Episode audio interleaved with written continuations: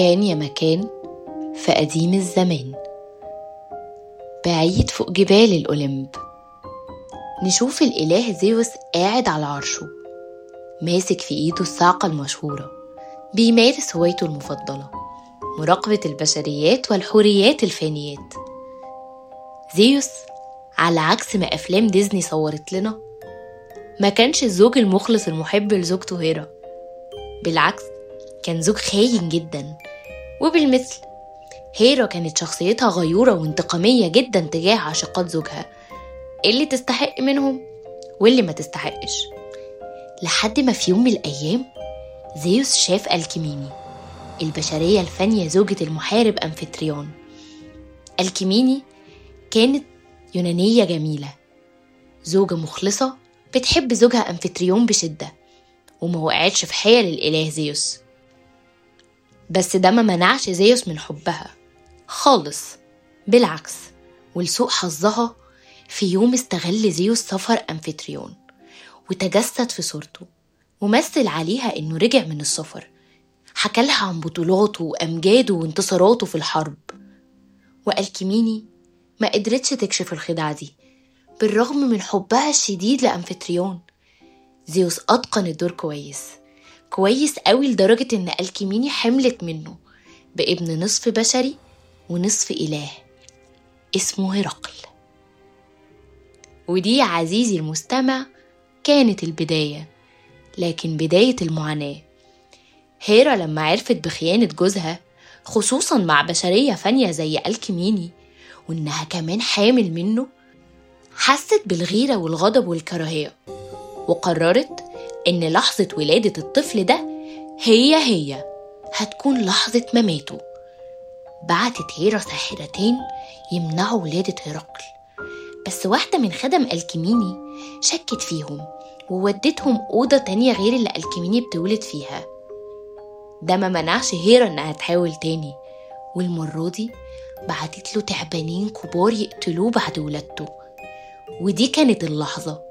اللي ظهرت فيها جينات زيوس عند هرقل بمنتهى السهولة الطفل الرضيع يمسكهم يخنقهم بإيديه بس. اكتشفت هيرا في اللحظة دي إن معركتها في قتل هرقل معركة فاشلة بس قطعت عهد على نفسها إنها هتدفع زيوس تمن خيانته. غالي قوي. غالي لدرجة إنها هتخلي حياة ابنه هرقل بأسة جدا. وقد كان. مع كل سنة هرقل كان بيكبرها قوته كانت بتكبر معاه. ولما كبر اتجوز من مجارة بنت ملك طيبة خلف منها خمس أبناء وكان عايش في سعادة وراحة. لكن هيرا ما نسيتهوش وما نسيتش عهدها وفضلت حطاه في دماغها. هي كانت عارفة إنها مش هتعرف تقف قصاده. أو تواجهه. بس هي برضه كانت عارفة إنها تقدر تسلط عليه أبشع عيوبه. الغضب.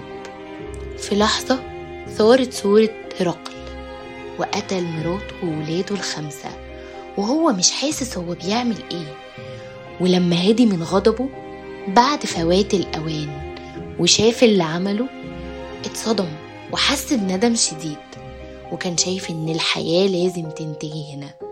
وإنه لازم يقتل نفسه ويطهر إيده من ذنب زوجته وأطفاله علشان في اللحظة دي يظهر المنقذ ثيتيوس ثيتيوس هو قريب هرقل اللي أقنعه بإنه هيكون جبان لو عمل كده وإنه لو عايز يكفر عن خطيئته فعلا لازم يستغل نفس الإيد اللي قتل بيها والقوة اللي دمرت حياته في إصلاح حياة غيره ومساعدة البشرية. بعد تفكير اقتنع هرقل وحس إن تمام بس أبدأ منين؟ هنا قرر يرجع لأبو زيوس يطلب منه الغفران والسماح ويسأله أعمل إيه عشان أكفر عن ذنبي ده؟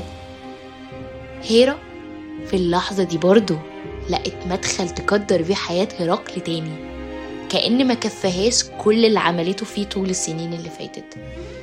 وسوست في دماغه وقلب زيوس وأقنعته إن لو هرقل فعلا عايز يكفر عن ذنبه يروح يشتغل خادم عند ابن عمه. يوريدس سنة كاملة. وفعلا زيوس ما كدبش خبر وأمر هرقل يروح يشتغل خادم. هرقل كان متردد جدا وسأل ربة الفضيلة إريتيه المفروض يتصرف إزاي مع حكم زي ده؟ بس هي نصحته إنه يسمع كلام زيوس.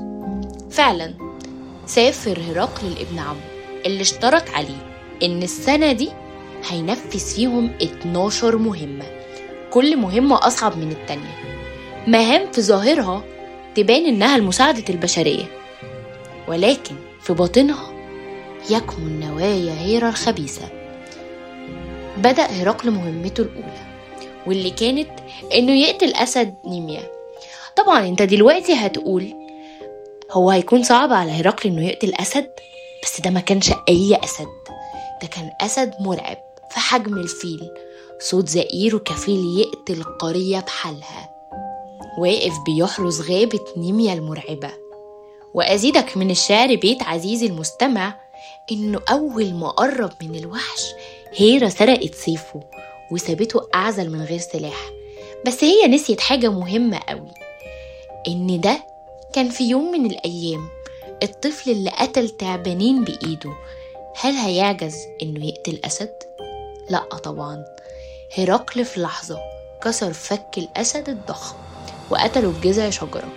ولما خلص مهمته الأولى اتفاجئ إن مهمته التانية مش أقل منها صعوبة بل أكتر منها صعوبة.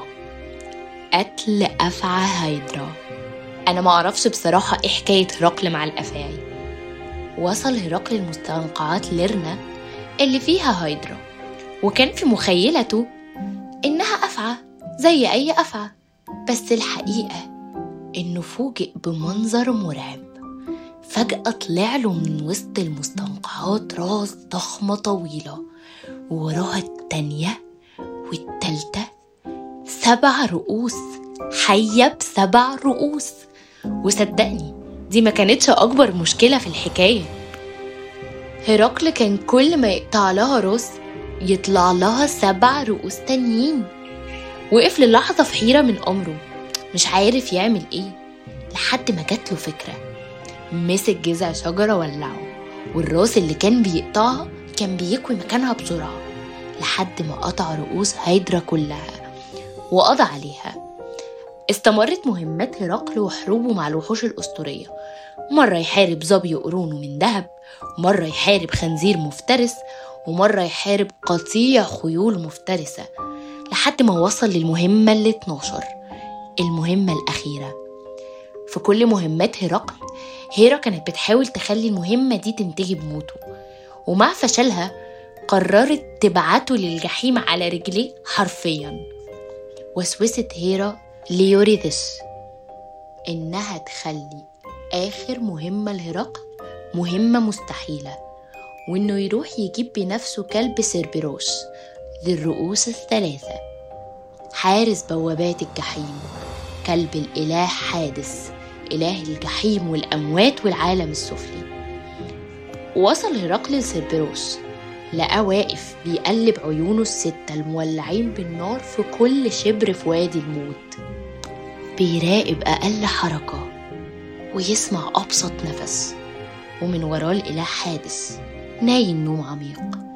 بخوف وحرص شديد إن حادث يصحى وبخطوات ثابتة وسريعة هجم هرقل على سيربيروس خنقه وقطع نفسه لحد ما مات وجره بره وادي الموت. قدمه للملك يوريدس تحت رجليه وطالب بحريته. وبعد سنة من المهمات الصعبة هرقل أصبح حر بعد ما كفر عن ذنوبه واستقبلته آلهة الأولمب بالترحاب الشديد وأقاموا على شرفه دورة الألعاب الأولمبية الأولى واللي اتخلدت كتقليد سنوي في اليونان إحياء لذكرى ال 12 مهمة وال 12 وحش اللي خلدوا اسم هرقل في الميثولوجيا الإغريقية بحروف من ذهب. دي كانت حدوتتنا النهاردة. استنوني في حدوتة جديدة الأسبوع الجاي يوم الخميس الساعة 12 بالليل. أنا خلود الوحش وده بودكاست خلصة.